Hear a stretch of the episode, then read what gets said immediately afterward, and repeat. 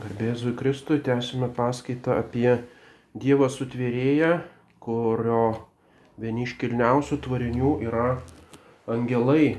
Ir štai tema - piktosios dvasios ir Kristus. Demonai ir Kristus. Demonai yra puolę angelai ir jeigu skaitome Naująjį Testamentą, jie nuolatos šmėžoja ir nuolatos pasirodo ir trukdo Jėzaus Kristaus išganimo darbui. Jėzus Kristus pasirodo kaip tas, kuris, galima sakyti, naujai pergyvena Izraelio istoriją. Jėzus kaip naujasis Izraelis e, savyje, kaip įkūnėjantis naują išrinktąją tautą, tai yra bažnyčia.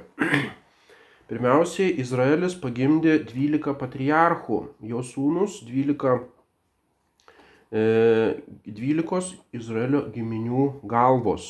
Ir ta struktūra išliko iki pat per visą Senąjį testamentą šitą išrinktoji tauta iš 12 tokių genčių. Ir lygiai taip pat Jėzus gimdo 12 savo giminių galvų, tai yra apaštalų, kurie paskui steigs vietinės bažnyčios arba kaip atskiras jo mistinio kūno dalis. Ir paskui Jėzus Kristus kartoja išrinktosios tautos kelią nuo Egipto iki Jordano. Pirmiausia, jis pats išeina į Egiptą, taip kaip žydų protėviai pateko į šitą pagonišką Egipto žemę. Mato Evangelija antras skyrius. Atsikėlęs nakčia Juozapas pasiemė kūdikį ir motiną ir pasitraukė į Egiptą Ten jis buvo iki erodo mirties, kad išsipildytų viešpatės žodžiai pasakyti per pranašą, iš Egipto pašaukiau savo sūnų. Reiškia, tai yra žodžiai iš Ozėjo 11 skyriaus, kai Izraelis buvo vaikas, aš jį pamilau ir iš Egipto pašaukiau savo sūnų. E, tas Izraelis kaip vaikas tai yra Dievo sūnus. Ir būtent Evangelija tai interpretuoja kaip Mesija, naujasis išganytojas, yra sūnus, Dievo sūnus ir jis taip pat turi išeiti iš Egipto. Toliau Jėzus kaip naujasis Mozė. E, Egiptas buvo virgovės žemė, taip pat buvo, e, galima sakyti, šio pasaulio kunigaikščio demono valdoma šalis. E, Naujojo testamento apokryfose yra tokios istorijos, kaip Jėzus e, nugalėjo, nugalėdavo tos Egipto stabus, e, Egipto demonus. Ir būtent Egiptas kaip tokia demoniška žemė, jinai taip pat šventųjų gyvenimuose, būtent tie pirmieji atsiskyrėliai, vienuoliai kovodavo su tais Egipto demonais dykumoje. Taigi nuo pat savo vaikystės Jėzus lyg yra konfrontacija su ta piktaja dvasia. Ir štai jis yra naujasis Moze, kuris išveda naująją tautą iš Egipto ir duoda jai įstatymą. Paštalų darbai trečias skyrius, Mozė yra pasakęs, viešpats jūsų Dievas, iš jūsų brolių jums pažadins pranašą kaip mane. Klausykite jo visame kame, ką tik jis jums sakys. Ir Jėzaus Kristaus krikštas Jordane yra lyg Raudonosios jūros perėjimas, tai yra toks atidikmuo. Žydų perėjimas Sename testamente buvo lyg jų krikštas, tai yra mirtis tam Egiptui, gimimas pažadėtai žemiai, pabėgimas iš velnio vergyjos namų. Ir lygiai tą dabar kartoja Jėzus Kristus savo asmenyje. Pirmas laiškas korintiečiams dešimtas skyrius. Noriu, kad žinotumėte, broliai, jog visi mūsų protėviai sekė paskui debesį ir visi perėjo jūrą. Jie visi susirišo su moze, krikštydamėsi debesyje ir jūroje. Reiškia, e, krikštas yra kaip e, kaip mm, būtent žydų perėjimas yra kaip krikštas. Visi valgė to paties dvasinio maisto ir visi gėrė to paties dvasinio gėrimo. Jie gėrė iš dvasinės juos lydinčios uolos, o ta uola buvo Kristus. Taigi pagal e, Senojo testamento tradiciją Izraelitus dykumoje lydėjo stebuklinga uola ir Paulius toje uoloje išvelgė Kristaus simbolį. Ir paskui Jėzus Kristus kaip savo atstovą, pastatys Petrą, kuris taip pat bus uola. Ir štai po šito perėjimo e, per Jord, e, Krikštas Jordane, kaip perėjimas Rudnosios jūros, yra žydų kelionė per dykumą per 40 metų ir lygiai taip pat Jėzus Kristus dykumoje 40 dienų. Ir štai tie visi priešai, kurie puola žydų tautą dykumoje, jų atitikmuo yra Jėzaus priešininkas. Tai yra šetonas. Mato Evangelija ketvirtas skyrius. Paskui Jėzus buvo dvasios nuvestas į dykumą, kad ten būtų velnio gundomas. Išpasninkavęs 40 dienų ir 40 naktų jis buvo labai alkanas. Prie jo prisiartino gundytojas ir tarė, jei tu Dievo sūnus, liep, kad šie akmenys pavirstų duona. Tai yra vėlgi aluzija, panašiai žydai dykumoje reikalavo duonos. Bet Jėzus atsakė, parašyta žmogus gyvas ne vien duona, bet ir kiekvienu žodžiu, kuris išeina iš Dievo lūpų. Tas žodis, kuris išeina iš Dievo lūpų, yra pats Jėzus Kristus, tai yra logos. Tada velnės įpaima šventą į miestą, pastato ant šventyklo šelmens, jei tu Dievo sūnus, pulk žemyn, jis lieps savo angelams globoti tave ir jie nešios tave ant rankų, kad neužsigautum kojos į akmenį. Reiškia, šitonas provokuoja šauktis gerųjų angelų pagalbos. Bet Jėzus sako, tai parašyta, negundik viešpatės savo Dievo. Reiškia, tai yra jo atsakymas prieš tą demonišką puikybės nuodėmę.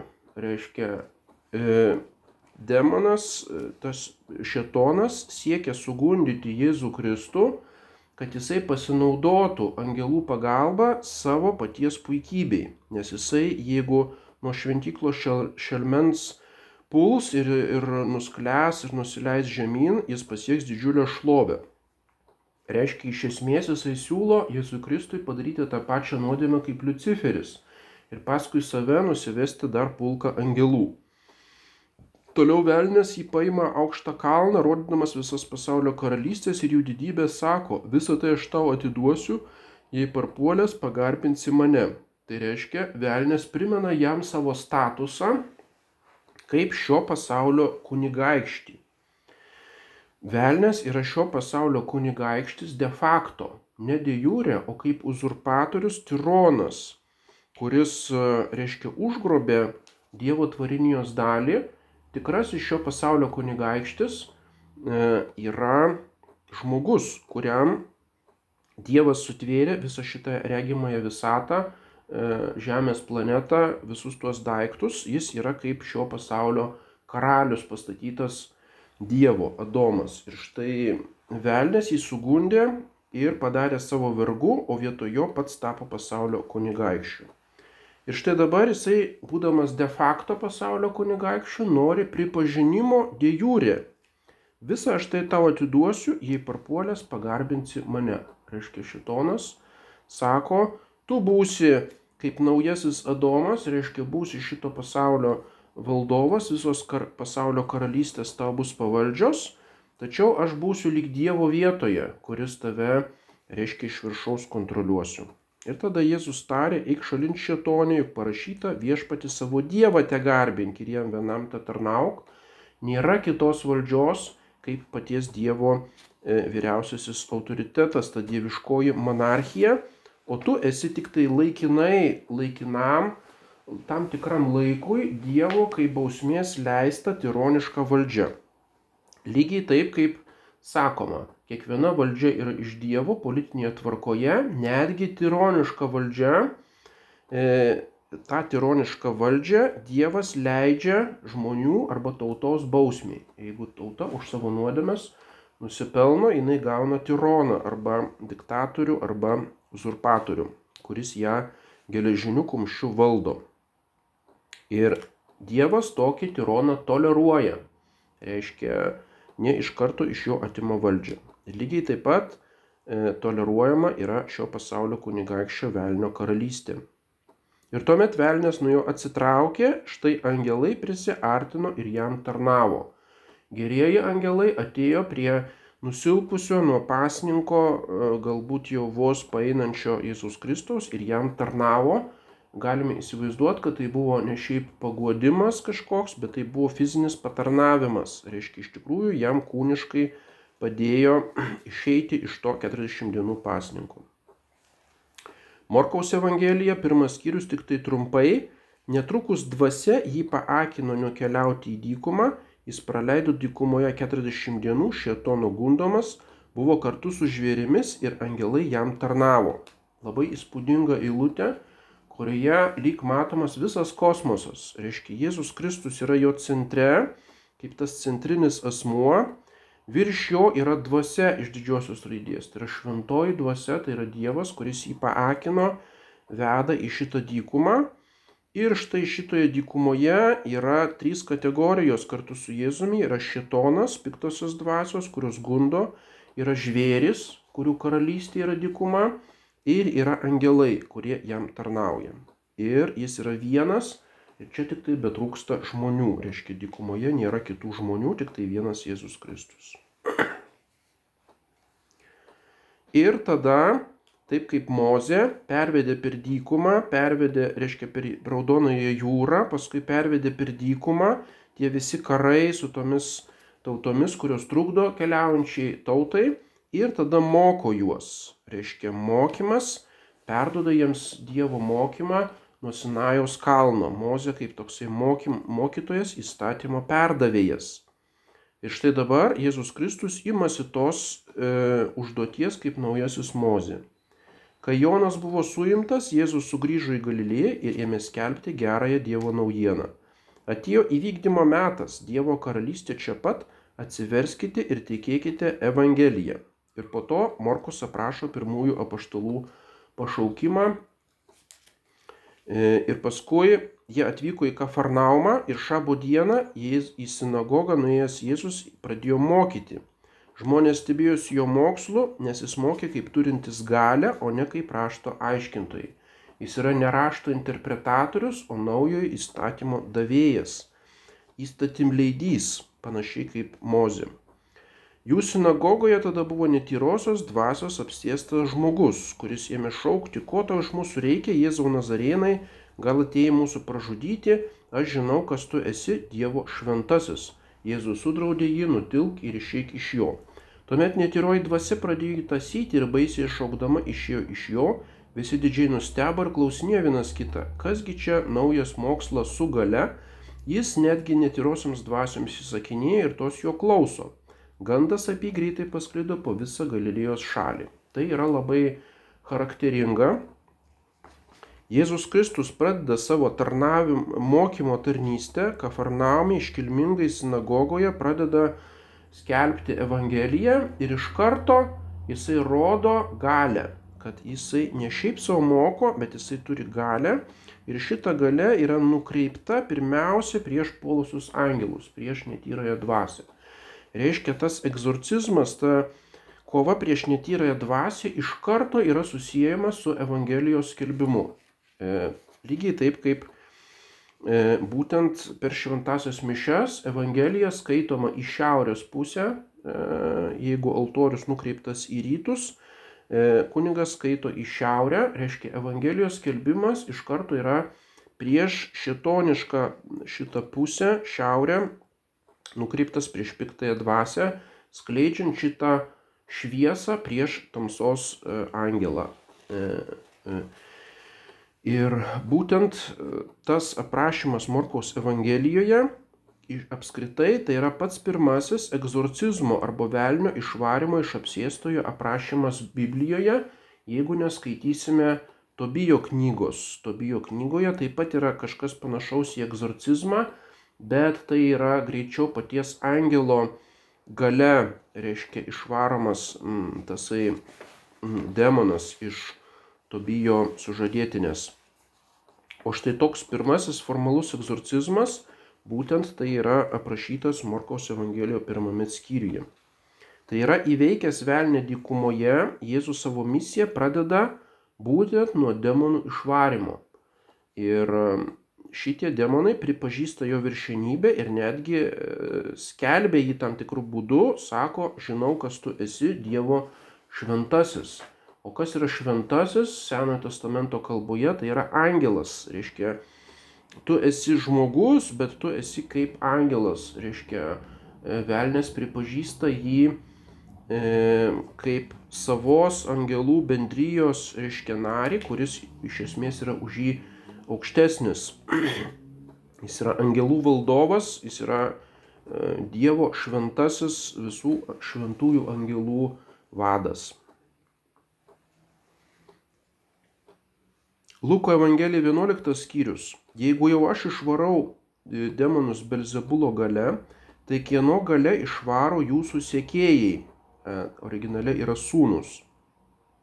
Todėl jie bus jūsų teisėjai. Bet jei aš išvarau demonus Dievo pirštu, tai tikrai pas jūs atėjo Dievo karalystė.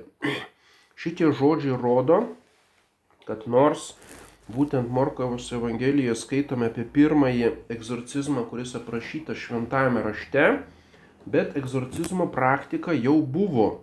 Ir tai vykdė ir Senojo testamento žydai. Tai reiškia, Jėzus neįvedė tam tikrą naujovę, tačiau būtent parodo, kad E, jis e, išveja demonus Dievo pirštų e, savo gale, ne maldaudamas, melzdamasis šito išvarimo, taip kaip tie egzorcistai, bet paties savo gale. Ir tai reiškia, kad atėjo Dievo karalystė. Visas Naujasis testamentas pilnas aprašymų apie apsėdimus ir egzorcizmus. Ir būtent e, šita egzorcizmo tematika yra centrinė Naujajame testamente, reiškia Kristus nuolatos konfrontuoja su demonais. Jono Evangelija 8 skyrius. Žydai atsiliepia, argi mes neteisingai sakome, kad tu samarietis ir velnio apsėstas. Reiškia, pats toksai klastingiausias žydų kaltinimas yra kad tu ne tik tai, kad neišvarai tų demonų, bet tu pats esi velnio apsėstas. Jėzus jiems tarė, aš nesu velnio apsėstas, aš tik gerbiu savo tėvą, o jūs niekinate mane.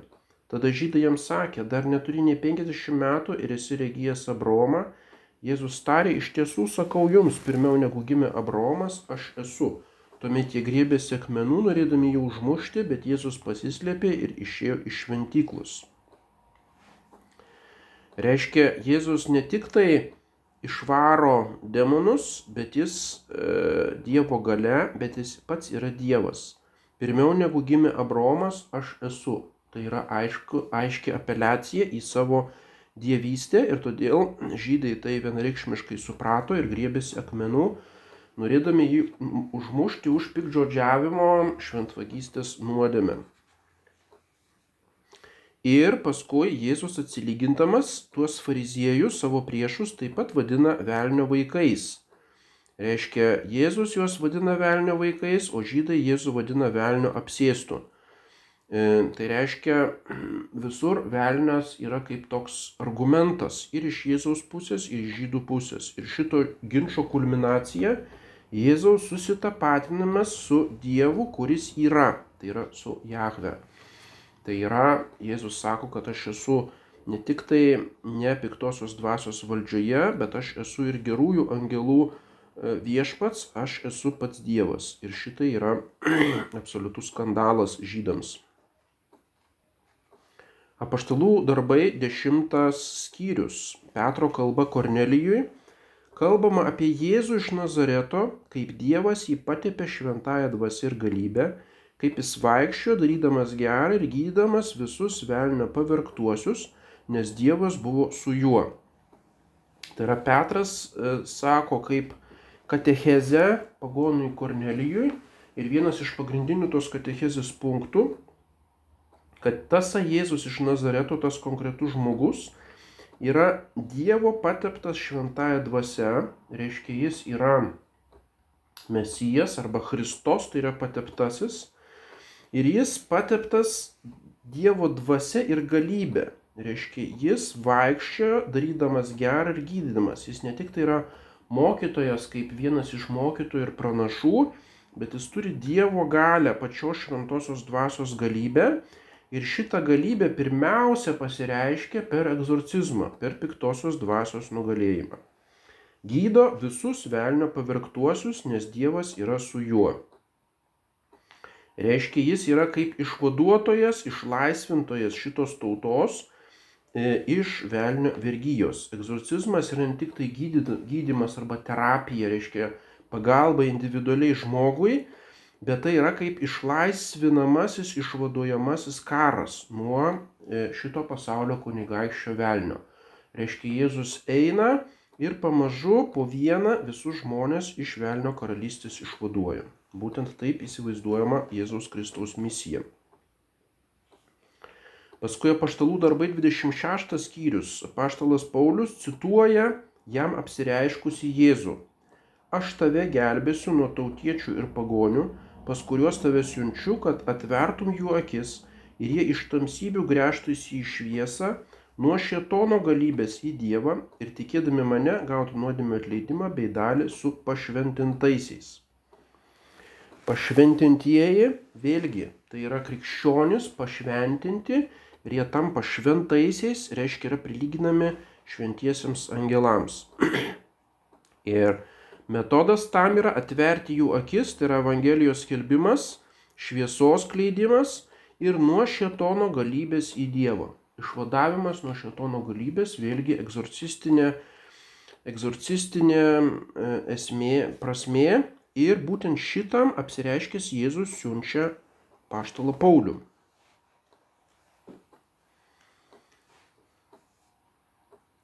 Paskui įdomi vieta Morkaus Evangelija 8 skyrius. Jėzus ėmė juos mokyti, jog reikia, kad žmogaus sūnus daug kentėtų, būtų atmestas, nužudytas ir po trijų dienų prisikeltų. Jis tai kalbėjo visiškai atvirai, tada Petras, pasivadinęs į šalį, ėmė drausti. Jėzus atsigręžęs pažiūrėjo į mokinius ir subarė Petrą, eik šalin šietone, nes mastai ne Dievo, o žmonių mintimis. Tai yra neįtikėtina neįtikėtinas kaltinimas Petrui, kurį jis jam suteikė primatą, jis sakė, tu esi uola ir paskyrė visų apaštalų galvą. Ir štai dabar tą patį Petrą viešai prie kitų mokinių subara ir sako, ne tik tai, kad tu klysti arba taip toliau, bet eik šalin šetonę. Tais pačiais žodžiais, kaip, kaip buvo gundomas dykumoje. Šitonas čia gali būti ne tai, kad jisai Petrą pavadino piktąją dvasę, ar kad tu esi velnio vaikas arba velnio apsėstas, bet e, šitonas kaip funkcija, reiškia Satanas kaip priešininkas, reiškia Petras prieštarauja Jėzui Kristui, gundo jį nepasiduoti nužudimui, e, persekiojimui ir taip toliau. Bet yra ir ta potekstė, reiškia susijimo su piktaja dvasia. Tu esi satan, tai reiškia kaltintojas arba skaldytojas arba priešininkas, nes mastai ne Dievo, o žmonių mintimis. Luko Evangelija 22 skyrius, kai jie ėjo su apaštalais į Alyvų kalną, Simonai, Simonai, štai Šėtonas pareikalavo persik, persijoti jūs tarsi kviečius bet aš meldžiuosi už tave, kad tavasis tikėjimas nesusviruotų, o tu sugrįžęs stiprink brolius. Tai yra stipri eilutė, šietonas pareikalavo persijoti jūs tarsi kviečius. Reiškia, šietonas, kaip pasaulio kunigaikštis, turi tam tikrą galę arba teisę kažko tai reikalauti iš Jėzaus Kristaus, reiškia išbandyti paštalus, Ir Jėzus Kristus meldžiasi, jis neatmes šitą persijojimą, ne, e, reiškia, leis šetonui šitą daryti, tik tai melsis, kad tavasis tikėjimas nesusviruotų, jisai turi stiprinti brolius, reiškia, šetonas turi tam tikrą galę bažnyčios nariams ir netgi jos vadovams. Ir e, Petro kaip popiežiaus arba apskritai apaštalų ir hierarchijos E, užduotis yra stiprinti brolius ir pirmiausia stiprinti jų tikėjimą. Reiškia, tikėjimas yra kaip ta uola, kaip tas fundamentas ir pirmoji hierarchijos užduotis yra sustiprinti tikėjimą ir tai yra pasipriešinimas velnio sijojimui arba velnio gundimams. Tai reiškia, Jėzus lyg nusileidžia šitono reikalavimu išbandyti apaštalus, nors žino, kad vienas iš tų apaštalų tam pasiduos. Judas jį išduos, paskui Petras jo išsižadės, kiti apaštalai išsibėgios ir netgi bus beveik praradę tikėjimą. Ir Petras yra numatytas pagrindiniu kovotoju prieš šetoną, kaip sakoma, duodant jam primatą, Pragaro vartai jos nenugalės, reiškia pragaro vartai šitonas nenugalės e, Petro uolos. Ir nors prieš, prieš tai pati Petrą pavadino šitonu, žino, kad jis brolių nesustiprins, reiškia šiuo atveju savo funkcijos neįvykdys, bet vis tiek Jėzus liepia jiems stiprinti brolius. Taigi visi apaštalai nebuvo Petro sustiprinti, jie išsibėgiojo O štai Judas absoliučiai nepasidavė e, šitai e, Petro valdžiai ir tam bendram, bendrai kovai prieš šetoną, bet jis pasidavė šetonui, galima sakyti, pardavė jam savo sielą. Ir sakoma, kad šetonas įėjo į judą. Galima net galvoti apie judo apsėdimą. Reiškia, kad tai buvo tikras apsėdimo atvejis. Tai yra, galima sakyti, absoliuti katastrofa arba pralaimėjimas. Štai Jėzus Kristus sako, mano pagrindinė misija yra skelbti Evangeliją ir rodyti Dievo galę per egzorcizmą, per velnio išvarimus. O štai dabar vienas iš jo mokinių, rinktinės, vienas iš dvylikos, reiškia kaip šulas jo naujosios tautos, ne tik tai, kad yra suvedžiojamas velnio, bet velnės įėjo į jį, reiškia kaip apsėdimas ir kaip savo instrumentų pasinaudojo paties Jėzaus nugalėjimui. Tai tiesiog neįtikėtinas šitono triumfas prieš Jėzų. Matome, kokia radikali yra konfrontacija tarp šitono ir Jėzaus. Tačiau Kristus bus nugalėtojas, velnio nugalėtojas. Tai yra viena iš esminių temų Evangelijoje. Mato Evangelija 12 skyrius. Jeigu aš išvarau demonus Belzebulo gale, tai kieno gale išvarau jūsų sekėjai, Bet aš išvarau demonus Dievo dvasios jėga. Tai tikrai pas jūs atėjo Dievo karalystė. Argi gali kas nors įsilaužti galiūno namus ir pasiglemšti jo turtą pirmiau nesurišęs galiūno? Tik tada jis apiplėš jo namus. Kas nesu manimi, tas prieš mane, ir kas su manimi nerenka, tas barsto. Reiškia, jisai pavadina šetoną galiūnu, reiškia, jis turi de facto galę žmonėms. Uh, Ir štai yra jo namai, yra jo kaip ūkis, oikos. Reiškia, tas šetonas valdo pasaulį ne tik tai kaip politinė gale, kaip kunigaikštis, bet praktiškai kaip dominus, kaip namų šeimininkas, kuris absoliučiai pagal savo valią gali administruoti ir disponuoti visais šeim, šeim, šeiminos nariais, tarnais, vergais, šeiminykščiais, samdiniais ir taip toliau ir visiškai valdo šitą turtą. Ir tai yra jo dominijum, jo nusavybė. Ir štai Jėzus jėga įsilaužė į galiūno namus ir pasiglemžia jo turtą ir surišo patį galiūną, supančiojo jį, reiškia, atima jo dominijum, galima sakyti, smurtų. Tai reiškia, yra radikalus konfliktas su šito pasaulio kunigaikščiu ir radikali, radikali kova. Ir netgi Jėzus naudoja tokius kriminalinius terminus, reiškia, jis kaip plėšikas, kaip e, kuris, reiškia, sulaužo tą, galima sakyti, sutartinę teisę, kuri yra pripažinta šitonui, kad jis yra pasaulio kunigaikštis. Ir Jėzus savo suverenė gale, jisai paneigia šitą teisę, jisai nuverčia uzurpatorių, jisai apiplėšia jo, pasiglemžia jo turtą. Ir sako, kad tai yra reiškia radikalus konfliktas, kuriame reikia pasirinkti vieną iš pusių. Tai galima sakyti e, politinė teologija Jėzaus Kristaus. Kas ne su manimi, tas prieš mane ir kas su manimi nerenka, tas barsto. Reiškia, tu negali būti nei baltasis, nei raudonasis, tu negali būti neutralus šitame konflikte. Jeigu tu nesi su juo, arba laikaisi nuo šaliai nuo šitos kovos, tada esi prieš mane, tu automatiškai stoji į velnio pusę. Kas su manimi nerenka, tas barsto. Antras Petro laiškas, antras skyrius. Jie žada šiems laisvę patys būdami sugėdimo vergai, juk nugalėtasis tampa nugalėjusiojo vergu. Reiškia, e, nugalėjimas reiškia ir priklausomybę. Jeigu Jėzus įsilaužė į galiūno namus ir pasiglemžė jo turtą, reiškia jo šeiminykščius, e, jo vergus, tai jie tampa e, Jėzaus Kristaus vergais. Jie įeina į Jėzaus Kristaus ūkį, į jo karalystę, jie tampa jo karalystės pavaldiniais. Nugalėtasis tampa nugalėtojo vergu. Ir pats velnės, ta prasme, yra Jėzaus Kristaus vergas, nes jis surištas galiūnas. Antras laiškas korintiečiams ketvirtas skyrius. Jeigu mūsų evangelija tebėra paslėpta, tai ji paslėpta vien tik einantiems į pražūtį netikintiesiems, kuriems šio pasaulio dievaitis apakino protus, kad jie neišvystų Kristaus šlovės Evangelijos šviesos, ogi Kristus yra Dievo atvaizdas. Apaštalas Paulius korintiečiams sako, kad e, Šetonas yra šio pasaulio dievaitis, dėjus hujus sekuli. Reiškia ne tik tai kunigaikštis kaip politinė valdžia, bet jis yra praktiškai kaip dievas šitame pasaulyje.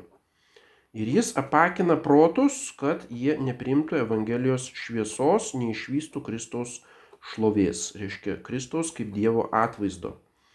Reiškia šio pasaulio dievaičio kaip pagrindinė viena iš funkcijų yra Tamsa, tamsos kleidimas, Evangelijos šviesos užgniaužimas. Laiškas kolosiečiams pirmas skyrius. Meldžiu, kad visokiojopai sustiprinti jo šlovės gale, pilni ištvermės ir kantrybės su džiaugsmu dėkotumėte tėvui, kuris padarė mus tinkamus paveldėti šventųjų dalį šviesoje, kuris išgelbėjo mus iš tamsybių valdžios ir perkelė į savo mylimojo sunaus karalystę. Būtent vėlgi politinė e, politinė e, tokia politinis žodynas tamsybių valdžia, tai yra šetono karalystė, kurios pagrindinis ginklas tai yra tamsos kleidimas, tai yra prieš Evangelijos šviesą, prieš tiesą ir perkeliamos į savo mylimojo karalystę, sunaus karalystę. O ką tai reiškia būti perkeltam į sunaus karalystę? Padarė mus tinkamus paveldėti šventųjų dalį šviesoje. Kas tai yra ta šventųjų dalis? Tai yra angelų dalis. Šventieji yra angelai. Reiškia, jeigu mes būsim išvaduoti iš šetono tamsybių valdžios, tai mes būsime priskirti prie dangaus šventųjų, mes būsim integruoti į angelų hierarchiją, kuri ir yra mylimojo jo sūnaus karalystė. Kolosiečiams antras skyrius Jis ištrynė mus kaltinantį skolos raštą ir panaikino jį prismigdamas prie kryžiaus. Jis nuginklavo kunigaikštystės ir valdžias, viešai jas pažemindamas ir jame švesdamas pergalę prieš jas. Tai yra karinė terminologija. Reiškia, piktosios dvasios yra būtent iš kunigaikštyščių ir valdžių chorų, tai yra iš tam tikrų angelų hierarchijos chorų nupuolusios piktosios dvasios ir jos yra kaip kariuomenės. Ir Jėzus Kristus kaip karo vadas jas nugali, jas nuginkluoja ir jas viešai pažemina. Ir švenčia pergalę prieš jas, tai yra Kristus kaip triumfatorius, karo vadas, kuris triumfuoja prieš kunigaikštystės ir valdžias. Tai yra išganimas e, pirmiausia apibūdinamas kaip teisinis aktas.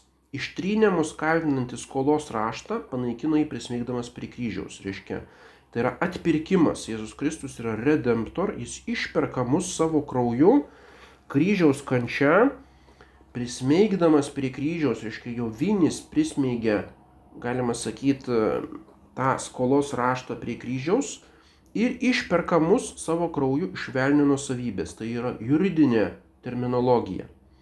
O paskui jau yra karinė terminologija, tai nėra tik draugiškas kontraktas, skolos rašto sunaikinimas, bet tai yra karinė pergalė. Nuginklavo kunigaikštystės, viešai jas pažemino ir tada švenčia tokią triumfo eiseną. Matome iš žemiškosios sferos - teisinė sfera, politinė sfera, ūkinė sfera - reiškia e, visa šita e, terminologija yra perkeliama į konflikt, apibūdinti konfliktą tarp Jėzaus Kristaus ir piktosios dvasios. Laiškas žydams antras skyrius. Kadangi vaikų kraujas ir kūnas bendri, tai ir jis lygiomis juos prisijėmė, kad mirtimi sunaikintų tą, kuris turėjo mirties valdžią, tai yra velnę. Ir išvaduotų tuos, kurie bijodami mirties visam gyvenimui buvo, buvo patekę į vergyją. Juk iš tiesų jam rūpėjo ne angelai, o Abraomo palikuonis. Tai yra ištisa Kristaus angelologija. Reiškia, Jėzus Kristus yra angelų karalius, turi absoliučią viršenybę virš angelų, tačiau iš tiesų jam rūpi ne angelai, nes gerųjų angelų nereikia išvaduoti, jau jie yra Dievo karalystėje, o piktųjų demonų neįmanoma išvaduoti, reiškia jų neįmanoma atpirkti ir jie niekada neatsivers. Taigi kas jam iš tiesų rūpi? Abraomo palikuonis. Jam rūpi išrinktoji tauta ir paskui tie, kurie yra dvasiniai Abraomo palikuonis, kaip sakoma, Dievas gali iš akmenų, e, reiškia, pagimdyti Abraomui palikuonių, tai yra iš akmenų pagimdyti, tai būtent yra pagonis, kurie yra atversti, galima sakyti, iš nulio tapo išrinktosios tautos nariais, ne pagal kraują, o pagal gryną Dievo malonę. Ir šitos Abromo palikuonės būtent Jėzus Kristus nori išganyti. Taigi savo mirtimi sunaikina tą, kuris turi mirties valdžią, tai yra velnė, kad išvaduotų juos iš velnio vergovės.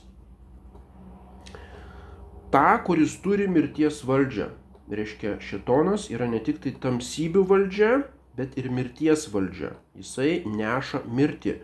Jisai, e, reiškia, sukelia dvasinį, dvasinę pražūtį, tai yra mirti dangaus karalystėje, tai yra veda į pragarą. Ir štai išvaduoja tuos, kurie bijodami mirties visam gyvenimui buvo patekę į vergyją. Ir pats įspūdingiausias velnio, velnio ir Kristaus konflikto toksai epizodas tai yra Kristaus nužengimas į pragarus. Lotiniškai Descensus Christi ad inferos. Descensus, descendere reiškia nusileisti. Tas nusileidimas vaizduojamas kaip toks fizinis judėjimas kryptimi žemyn. O inferos tai yra žemutinės, žemutinės sferos. Kas tai yra tas inferos? Teologija sako, tai yra limbus patrum. Arba e, tai yra pragaras, inferi reiškia yra pragaras ir e, kaip tokia duobė, ir ta duobė turi pakraštį arba tokį breuną ir būtent tai reiškia žodis limbus, tai yra breuna ant paties pakraščio, reiškia ne pačiame pragare, bet e, jo periferijoje e, yra Senojo testamento teisėjai, kurie negalėjo būti išganyti, negalėjo patekti į dangų, kol dangaus neatidarė išganytojas e, Jėzus Kristus. Reiškia, jie nėra pragare, jie nekenčia, ne, neturi kentėti atstumimo nuo Dievo, neturi kentėti pragaro bausmių, bet vis dėlto yra ant limbus, reiškia ant pakraščio ir jie vis tiek ilgisi ir trokšta pilno išganimo. Taigi vaizduojama, kad Jėzus Kristus nužengė į šitos pragarus, į šitą limbus puerorum. Jis nenužengė į pragarą pas pasmerktuosius ir velnę, bet nužengė ant pragaro pragaro breunos. Ir lietuviškai skiriami tie žodžiai pragaras ir pragarai. Reiškia, pragaras vienaskaita tai yra pasmerktųjų ir demono karalystė, o pragarai daugiskaita tai yra būtent tas limbus patrum arba e, pragaro pakraštys. Jėzus Kristaus siela jam numirus nusileido tenais. Nusileidimas, vėlgi, tai nėra fizinis judesys, kadangi e, pragaras yra paslaptinga vieta, jis nėra, nėra šitos Žemės planetos kažkur tai gelmėse, kažkokioje tai ertmėje, e, geologinėje ertmėje, o tai yra dvasinė vieta e, ir būtent Jėzus Kristus ją, jo siela į ją nuėjo. E, įdomus terminas tradicinis yra anglų kalboje - harrowing of hell. Harrowing, harrow reiškia apiplėšti, reiškia paimti įkaitus, paimti grobį. Tai reiškia pabrėžiamas ne nusileidimas į pragarus kaip kažkokia kelionė, o apibrėžiama, kam Jėzus Kristus e, atėjo, tai yra apiplėšimas. Apaštalų tikybos išpažinime girdime arba išpažįstame descendit ad inferos, katelthonta eista katotata. Katotata tai yra žemiausia vieta. Jis nusileido į tą žemiausiąją vietą. Ir būtent tai vadinama limbus patrum arba dievų tasai pakraštys. Paskui kitas terminas yra šeol arba hadės graikiškai. Šeol arba hadės kaip Sename testamente, kuriame yra Seno testamento teisėjai. Ir dar vienas terminas tai vietai apibriežti yra sinus Abrahe, Abraomo glėbys. Reiškia, Abraomas kaip patriarchas sėdi, reiškia, kaip tėvas ir ant jo kelių tame jo rūbo glėbyje, reiškia, yra susitelkę tie jo palikuonys Senojo testamento teisėjai. Tenais nusileido tik tai Kristaus siela po jo mirties Toliau kalbam apie tokius veiksmus, kaip išlaužė pragarų vartus, įveikė mirtį, išvadavo protėvius iš Hado kalėjimo, nusivedė kaip grobi, nusivedė juos kaip belaisvius į dangų, tai yra po savo prisikėlimo ir dangun žengimo. Ir tuo tarpu dar išvaduotojų vėlės rodydavosi Jeruzalėje. Taigi yra tai labai turtinga vaizdinių tokia serija. E, tas limbus vis dėlto vaizduojamas kaip tam tikras kalėjimas, e, reiškia, jie nėra kaip amžinajame pragare su pasmerktaisiais, bet vis tiek yra tam, tikra, tam tikrų būdų įkalinti. Ir Šeolas ar Hadas yra mirties karalystė. Jie reiškia, neturi to amžinojo gyvenimo, jų sielos yra atskirtos nuo kūno ir nemato Dievo, reiškia, nepasiekė savo amžinojo tikslo, reiškia, yra kaip mirties belaisviai. Ir ta, tas nelaisvė vaizduojama fiziniu būdu kaip tokie vartai arba kalėjimo tokia kamera. Ir tuos vartus reikia išlaužti ir reiškia juos reikia išsivesti iš ten. Visi ankstieji, ankstyviai bažnyčios tėvai daug rašo. Šventasis Melitas iš Sardo, Tertulijonas, Hipolitas, Šventasis Ambrozijus. Mm, ta tema yra labai aktuali bažnyčios tėvams Tačiau tai yra vienintelis apaštalų tikybos išpažinimo punktas, kuris nebuvo formaliai dogmatizuotas bažnyčios. Reiškia, jis yra nuo seniausių laikų labai svarbus bažnyčios mokymas, bet jis nesusilaukė gilesnės teologinės refleksijos, neatsirado erezijų, kurios jį neigia ir todėl bažnyčiai nebuvo jokio reikalo jį specialiai dogmatizuoti arba ypatingai teologiškai nagrinėti. Brevijorija yra officium defunctorum, e, oficijus už mirusiuosius ir jame yra aušrinės e, vienas iš responsorijų.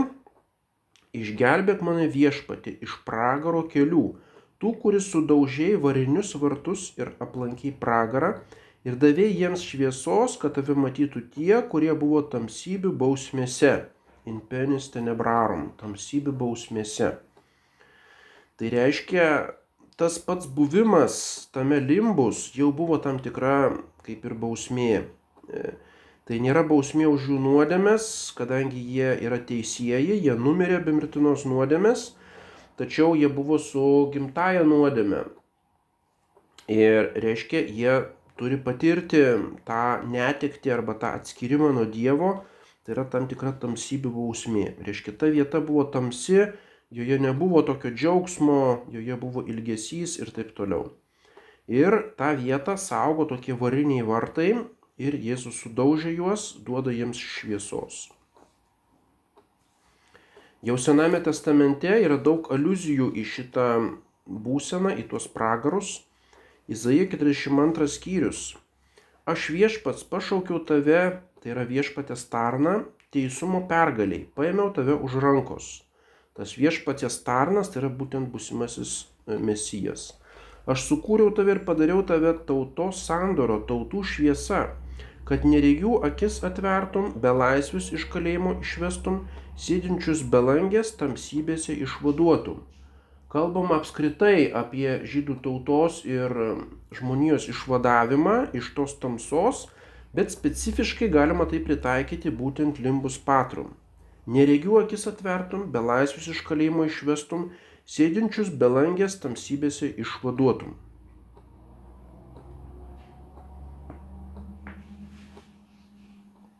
Izaijas 43 skyrius. Taip kalba viešpats jūsų atpirkėjas Izraelio šventasis. Dėl jūsų sunčių kariuomenę prieš Babiloną, sklaščius kalėjimų visų nukelsiu, o kaldėjai apsipils aimonomis visų kalėjimus klaščius nukelsiu. 49 skyrius. Ar išplėšia kas nors grobį iš galiūno, ar galima belaisvius atimti iš tirono? Šitaip viešpats atsako, žinoma, belaisviai bus atimti iš galiūno ir grobis išplėštas iš tirono. Tavo reikalo gynėjas esu aš pats, aš pats išvaduosiu tavo vaikus. Reiškia, pats Dievas, tai yra įsikūnijęs Dievas Jėzus Kristus, atims belaisvius iš galiūno, grobį išplėš iš tirono. Tai į šitos žodžius būtent apeliavo Jėzus Kristus kalbėdamas apie e, galiūno surišimą ir jo, jo grobio atimimą. Zacharijas 9 skyrius. Dėl tavęs, dėl tavo sandoros su manimi kraujo išlaisvinsiu tavo kalnius iš duobės, kurioje nėra vandens. Tas limbus patrum vaizduojamas kaip tokia duobė, cisterna, kurioje nėra vandens. Reiškia, jie neturi ne tik tai šviesos, bet jie trokšta. Dievo, reiškia, yra dvasinis troškimas, vandens, gyvojo vandens trūkumas. Ir Jėzus sako, aš ateinu, kad duočiau tau gyvojo vandens, sako jisai samarietėje prie šulinio.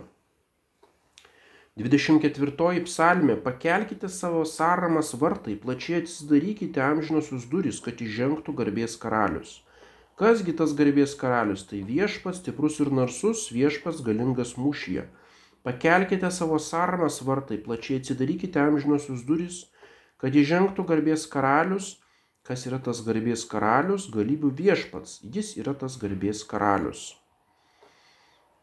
Taigi, tas tarpduris laikomas per žemu tam didžiajam dievui įeiti ir, reiškia, jos turi atsiverti kuo plačiau, kad įeitų pats Dievas. Ta 24 psalmė toks kaip triumfo giesmė Jėzui Kristui, išlaužiant tuos vartus, tas sąramas, atsidaro tos amžinosios durys, šeolo durys ir įeina Jėzus Kristus. Ir paskui visą tai pritaikoma Naujame testamente. Laiškas romiečiams dešimtas skyrius Teisumas iš tikėjimo kalba, nesakyk savo širdyje, kas įžengs į dangų, tai yra Kristaus atsivesti, arba kas nusileis į bedugnę, būtent Kristaus iš numirusių atsiimti. Kristus kaip mirusiųjų pirmgimis, reiškia, jis pirmiau nužengė į šitą bedugnę. Ir nesakyk, kam reikės, jis pats, reiškia, nueis, e, e, išeis iš tos bedugnės. Laiškas filipiečiams antras skyrius. Todėl ir Dievas jį išaukštino ir padovanojo jam vardą kelniausią iš visų vardų, kad Jėzaus vardui priklauptų kiekvienas kelias danguje, žemėje ir po žeme. Kas yra tas kelias po žeme? Galime sakyti, kad tai yra piktųjų dvasių pripažinimas Jėzaus Kristaus pergalės. Reiškia, pragaro dvasios turi kaip priklaupti arba išpažinti Jėzaus Kristaus viršenybę. Bet galime Tai ir taip suprasti, kad tai yra e, keliai tų Senojo testamento teisiųjų, kurie pragaruose priklaupė pagarbindami atėjusi išganytoje. Apie tai pratesime kitoje paskaitoje.